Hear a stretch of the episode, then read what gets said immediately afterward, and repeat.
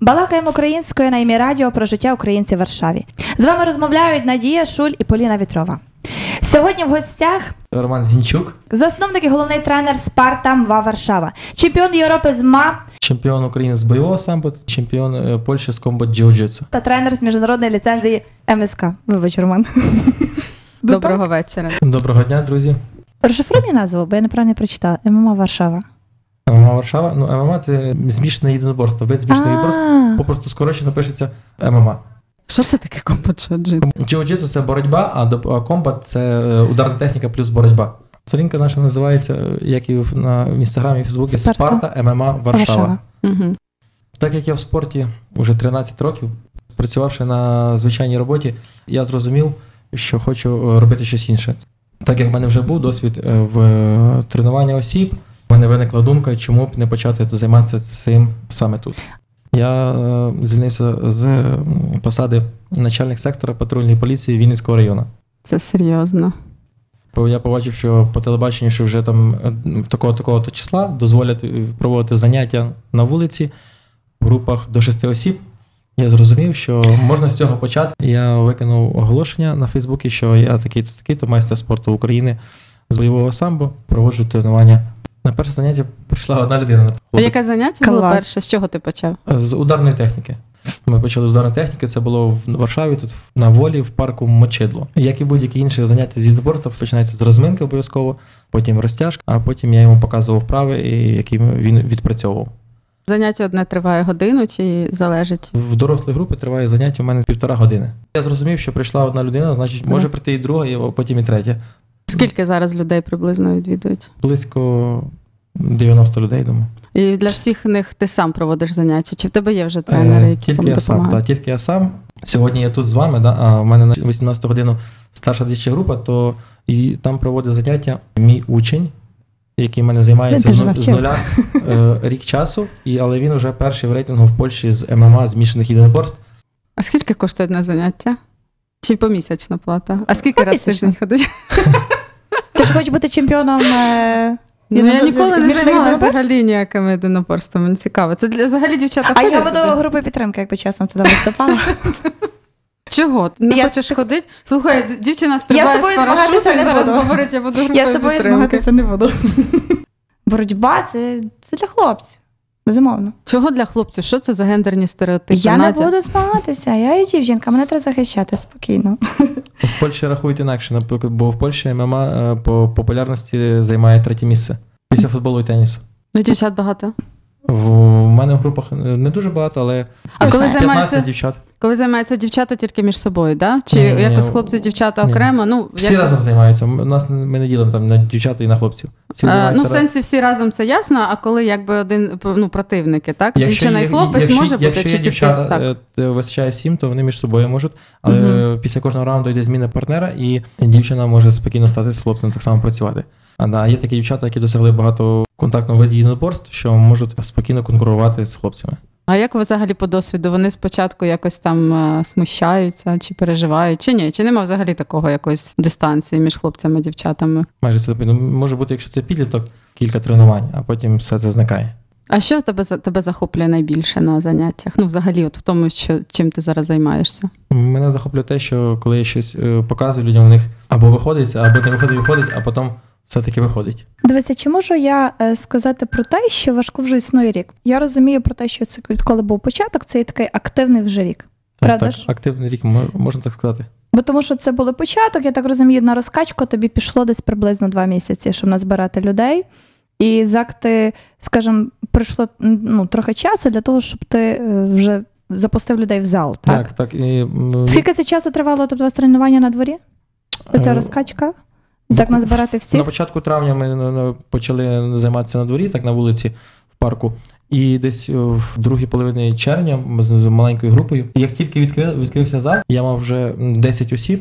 Я просто не міг підвести своїх хлопців. Я почав пошуки зала.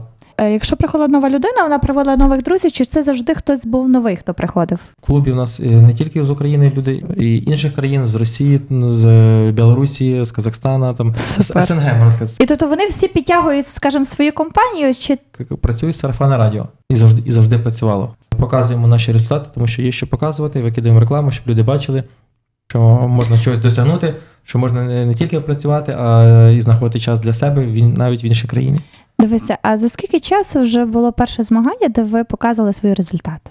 За півроку десь. За півроку? так. А як ти шукаєш змагання? По-перше, щоб клуб міг виступати на якихось змаганнях, потрібно, щоб клуб мав ліцензію е, цього виду єдиноборств. Я знайшов федерацію ММА в Польщі. Тут вона одна на той час була, зараз дві вже. Викупив ліцензію у них для клубу. Потім зробив ліцензію для кожного хлопця. Ці всі ліцензії робляться на рік.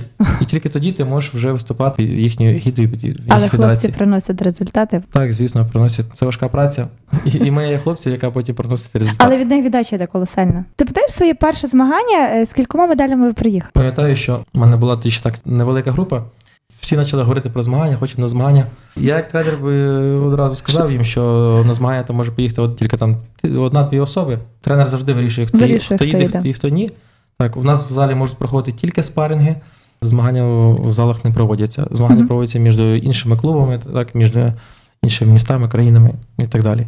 Е, Якщо говорити про перші наші турніри, які важко назвати змаганнями, тому що я завжди говорю і що те, про те, що ми одна сім'я, ми одна команда.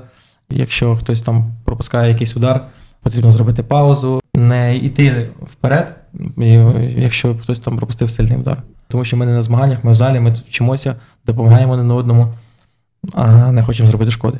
Кажемо, ви привозите не одну медаль. Останнє змагання, то скільки поїхало на змагання людей? Останні змагання поїхало Борців, точніше. 9, 9 осіб. Дев'ять осіб. Тобто склад змінився від першого і зараз. Тобто, чи додалися люди, чи, чи ті самі, які змагалися і стабільненько ростуть. Трішки змінився, так, можна сказати, в половину. В клубі перевищують е, борці, які починають з нуля, борці, чи які просто десь починали, і тут продовжують, скажімо, Перевищують. Ті, що починають з нуля, завжди хотіли спробувати, але щось їм завжди заважало.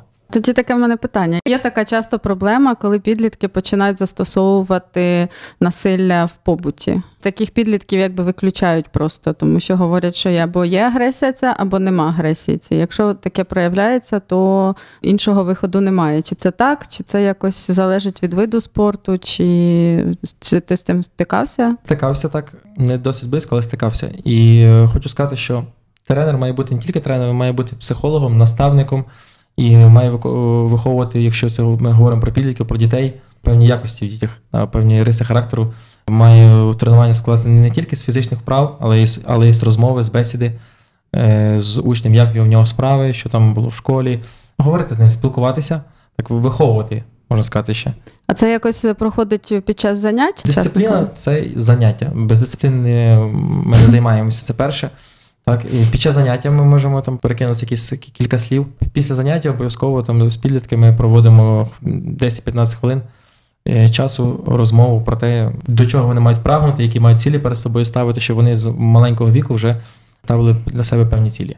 Я завжди говорю, що я треную тільки тих, хто хоче тренуватися, ті, хто е, Вкладається. так, так. Ті, хто приходить просто там, як з дітьми говорити, погратися чи е, поганяти, побешкетувати. Я говорю, що так неможливо у нас, щоб досягнути результату, потрібно праця. Взаємно. Так. Я показую їм е, результати своїх учнів раніше, показую їм свої результати, хочу привити їм такі якості без дисципліни Без і, концентрації. і праці не буде, не буде результату. Якщо говорити про ще якийсь відпочинок, крім тренувань, то звісно, ми з е, командою, з клубом завжди збираємося на якийсь активний спортивний відпочинок. У тебе більшість українців ходить, так? Ну, 70% так. Поляки є чи Е, тільки я, мігранти? е, є, є поляки, так. Я ніколи не запрошую їх поляків, вони якось самі приходять, не знаю, не знаю звідки. Цікаво. Їх мало, да, так троє, троє осіб, але вони займаються. Одна навіть полька досить довгий час займається. Про неї там взагалі окрема історія, тому що вона там познайомилася з- ще з одним українцем. Ой, Так, так, так. І що, виникло кохання? Ну і Боже, на- наче так, наче так. Це коротше велика сім'я. да. В Польщі є загальний рейтинг клубів, загальний рейтинг От, оце цікаво. Загальний рейтинг спортсменів, загальний рейтинг тренерів. В Польщі тут е, близько 300 клубів ліцензованих єдиноборств. 300? Так. Вау. І е, Ми ми, теж там є. Супер. і ми займаємо зараз там е, почесне сьоме місце.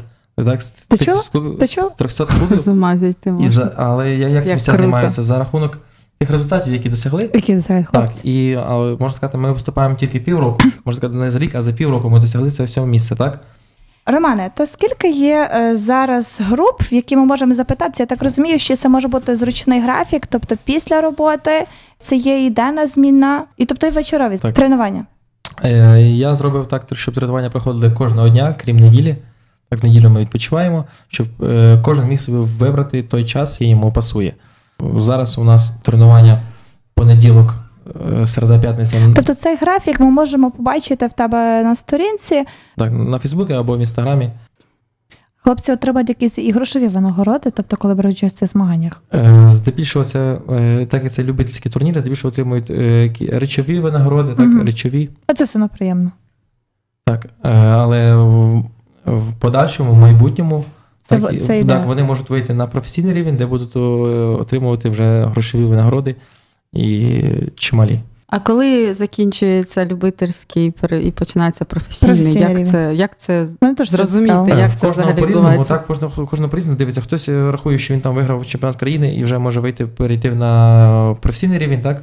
Комусь потрібно там виграти чемпіонат Європи чи міжнародні якісь турніри. Все залежить від досвіду. Якщо там ти вже повиступав, не знаю, 100 боїв провів в любительському виді, чи там набрався достатньо досвіду, що розумієш, що вже можеш перейти на професійний рівень. Коли переходиш на професійний рівень, тебе вже взагалі, крім спорту, в житті мало що залишається. Ти повинен займатися мінімум двічі на день, а то й тричі маєш дотримуватися харчування, маєш відпочивати, має бути здоровий сон, здорова їжа.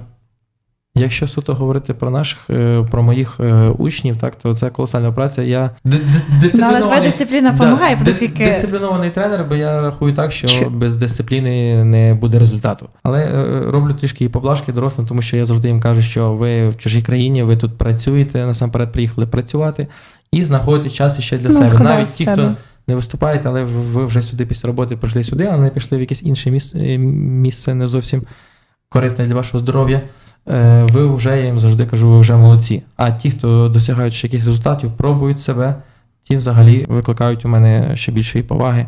Так. Дивися, коли ти їдеш на якесь змагання, я так розумію, що як кожен вчитель, тренер ставить якісь собі там, скажімо так, пріоритети, чи навіть якісь там місця, хто де що може отримати. Чи справджується це на змаганнях, чи, чи, ти, ну, чи ти взагалі цього не робиш? Тобто ти знаєш, які результати ставлять хлопці. звісно, роблю. Звісно, Ставки роблю. ставиш? Так, так, звісно, роблю. І, для... Справджується. і здебільшого, Так. так, так. Бо я знаю, хто на що хто на що здатен, так, я знаю, і хто що може, і хто може себе проявити. Навіть якщо я кажу, здебільшого у мене 95% у мене новачки, всі приходять з нуля займатися. Тому, е, тому так. Ми займаємо результати як і з бойового самбо, з джао-джитсу. Тобто це все вид змішаних єдиноборств. Так, тобто в будь-якій категорії. з- з- е, займаючись змішаними єдиноборствами, е, ви розвиваєтесь в різних напрямках, тобто в, в ударній техніці, в е, бокс, кікбоксинг, в боротьбі, в вільній, Боже, це можна цим партері, відразу в партері, займатися. греплінг і так далі. Тому Чи це треба щось вибрати? Т- е, ні, ні. Тому я розписую тренування таким чином, щоб, наприклад, в понеділок, вівторок у нас боротьба в стійці, середа, четвер ударна техніка, руки, ноги, а п'ятниця, субота у нас грепінг, греплінг, е, боротьба в партері, плюс спаринги і плюс кросфіт. І кросфіт Що це таке грепінг? греплінг це боротьба в партері. Боліві... Що таке партер? У нас сьогодні е, збільшиться запас, розумієш? удушаючі, Больові удушаючі. Це- А потім це все поєднуєте і, і отримуєте ММА. Тому ми такі е, Ага. Боже, які ви круті. Займаючись інвестом ММА, ви відкриваєте з різних сторін. Можете в чому ви краще, в ударній техніці чи в боротьбі можете подивитися, так що вам потрібно. Ну, ти ще підказуєш, безумовно, бо я не розумію. На цьому, якщо хтось приходить, ти все це бачиш і підказуєш. Ну, звісно, Де звісно, краще. звісно. О Боже, це ще треба має бути дисципліна, правильне харчування, правильний графік, і це все. Так, Поліна, так. я не знаю. Але треба з собою щось зробити. Йдемо на змагання. На тренування, точніше. Тоді на змагання. Ти йдемо? Йдемо. Ти ж не хотіла. Вже хочеш? Я знайду час. Це шалена праця. Реально? Так, так що Ну, але це фізична підготовка теж. Це одне з найважливіших. Нічого, я бігаю Тільки зранку. сидіть працювати головою, там, то це мало. Треба це, себе фіз- ще. це технічна підготовка, фізична, е, кардіопідготовка. Так, і е, я вам скажу, що тут е, люди, які, наприклад, ходять просто на фітнес там, для того, щоб там підкреслити якусь е, частину, частину свого, свого тіла, Це крутіше, Вони, якщо походу. попробували активне тренування у нас, в мають звичайне борство, вони б відчули, що це набагато ефективніше для їхнього тіла буде, тому що у нас там ну, в середньому 2 кг за тренування ти можеш е, скидаєш, так? А школа чи що? Це якийсь спортивний центр? Що Ні, це? це просто, просто будівля, будівля, е, в якій Ви не мите залу. так, в якій ми винаймуємо приміщення. Тобі замало Мгм. вже до місця? Ні, не замало, але, Я питаю, чи там є резерв. Чи ж вже там? просто Ти е, є, куди, є куди рости, є плани, е, Чудово. які потрібно А ти поділишся з нами своїми планами, крім третього місця в графі? У нас плани, я казав, як, як в Наполеона. Ми, ми завжди, я, я завжди кажу хлопцям вперед, в будь-якій праці, що б ви не робили, ми завжди йдемо вперед. Так я сказав, що ми рухаємося і як клубом вперед до першого загального місця в Польщі, якщо ми були перші. І так само і індивідуально для кожного хлопця я хочу, щоб він був кращий в своїй категорії. Наприклад, е, зараз ми вже маємо, я вже маю з цього хлопця, про якого говорив сьогодні, Прус Вадим, який е, тренує дітей. Він е, кращий в Польщі в категорії 66 кг по ММА.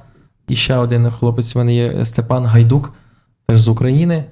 Е, А з, з яких Львівської хлоп- області. Привіт, хлопцям. Ага, Львів. В, в, в категорії до 84, перший в своїй категорії в рейтингу. І ще в мене є один теж Іван, Іван Саєнко, він е, другий в своїй категорії ну, в Польщі е, до 70 кг. Ось, А з яких міст України хлопці, які ну, досягають таких результатів? Розумієш, що в тебе там вся географія, треба всіх назад. Важко А тих просто активних, тобто з яких вони міст України, і тобто вони є новачками, чи просто почали займатися разом з тобою там півроку тому, рік тому. Якщо говорити з яких міст, то важко відповісти. всіх. Да, вся, вся, Але ті активні, які беруть участь у змаганнях. Ті активні, які беруть у змаганнях, вони зазвичай вже починали здебільшого з початку формування клубу. Так, е, багато хотів ще додати, що багато хто думає, що от е, будь-яке єдиноборство це мене там будуть бити, чи там щось Ну я теж це боюся, якщо отак. чесно, от це в мене було. Ну чого дівчатам ти туди бити їх будуть? Будь-якого рівня, якого тут не був, е, спортсмен, він завжди колись був новачок. По-перше, ми маємо захист, так? Маємо шолом, капу, там. е, На мене були на руці і на нозі. Бо тебе не було просто захисту. не було захисту. Захисту не було. Так. В Тому останній е, локалізації. ніхто вас не буде бити, сміливо приходьте займатися, і буде результат. Ну, я надіюся, це буде побажання нашим е, слухачам. Ще раз повтори його. Слухачі, чуєте? Що треба робити? Так. Щоб досягти результатів, потрібно просто рухатися, просто щось робити. І все. Не сидіть на місці, ідіть вперед. Не Так, розслаблятися. в будь-якій, в будь-якій справі. Головне стабільність, дисципліна. Так. За- Залог успіху. І я ціль. для себе поставив це ціль, так, дисципліна, стабільність, праця, праця, праця. А так між нами дівчатам. Ти вже так досяг своїх цілей? Я розумію, що не ростуть. Але Е, тільки ти поставив, коли приїхав. Так, кілька ціль, ці- цілей вже досягнено, але я не збираюся зупинятися. Сподіваюся, навіть Блін. впевнений, що ви про мене ще почуєте. Я в цьому впевнена. І я, тобто ми бачимо твої результати. Е, Я думаю, що з третього місця скоро стане і перше місце. Тебе зібрані реально борці, е, реально переможці, які працюють над собою, і вони попали в правильні руки. Ну, от кожного, кожного ефіру ми знаходимо чудових людей для того, щоб ще більше пишатися українцями. Ще тим більше, тобто, бути разом ну, в ефірі з такою людиною, яка взагалі допомагає це відкривати. І у нас такий трошки святковий ефір. Я надіюся, що ви тут побачили, адже сьогоднішній іменинник, який вже святкує другий день. Другий день свята. Адже хороших людей повинно бути кожен день свята, так? Якщо що, в мене вчора було 70 е, запрошених гостей на день народження. Ого, то Я була не знаю, чи я би своє день народження могла стільки запросити. То була шикарна вечірка. Так, і шикарне тренування. Дорогі слухачі, я надіюся, що ви так же само, як ми з Поліною, в думках про те, як знайти час, е, де подивитися графік, як доїхати, тобто як попасти в Спарту. Адже в цьому клубі народжуються переможцями, можна прийти ним стати. Ви допоможете собі і бути в команді тих, які роблять себе, це дуже класно. Мусимо прощатися з вами. Нагадаю ще раз: у нас сьогодні в студії був Роман Зінчук, засновник і головний тренер Спарта ММА Варшава, чемпіон Європи з ММА. чемпіон Польщі з комбат Джао Джитсу, чемпіон України з бойового самбо та тренер з міжнародною ліцензією МСМК.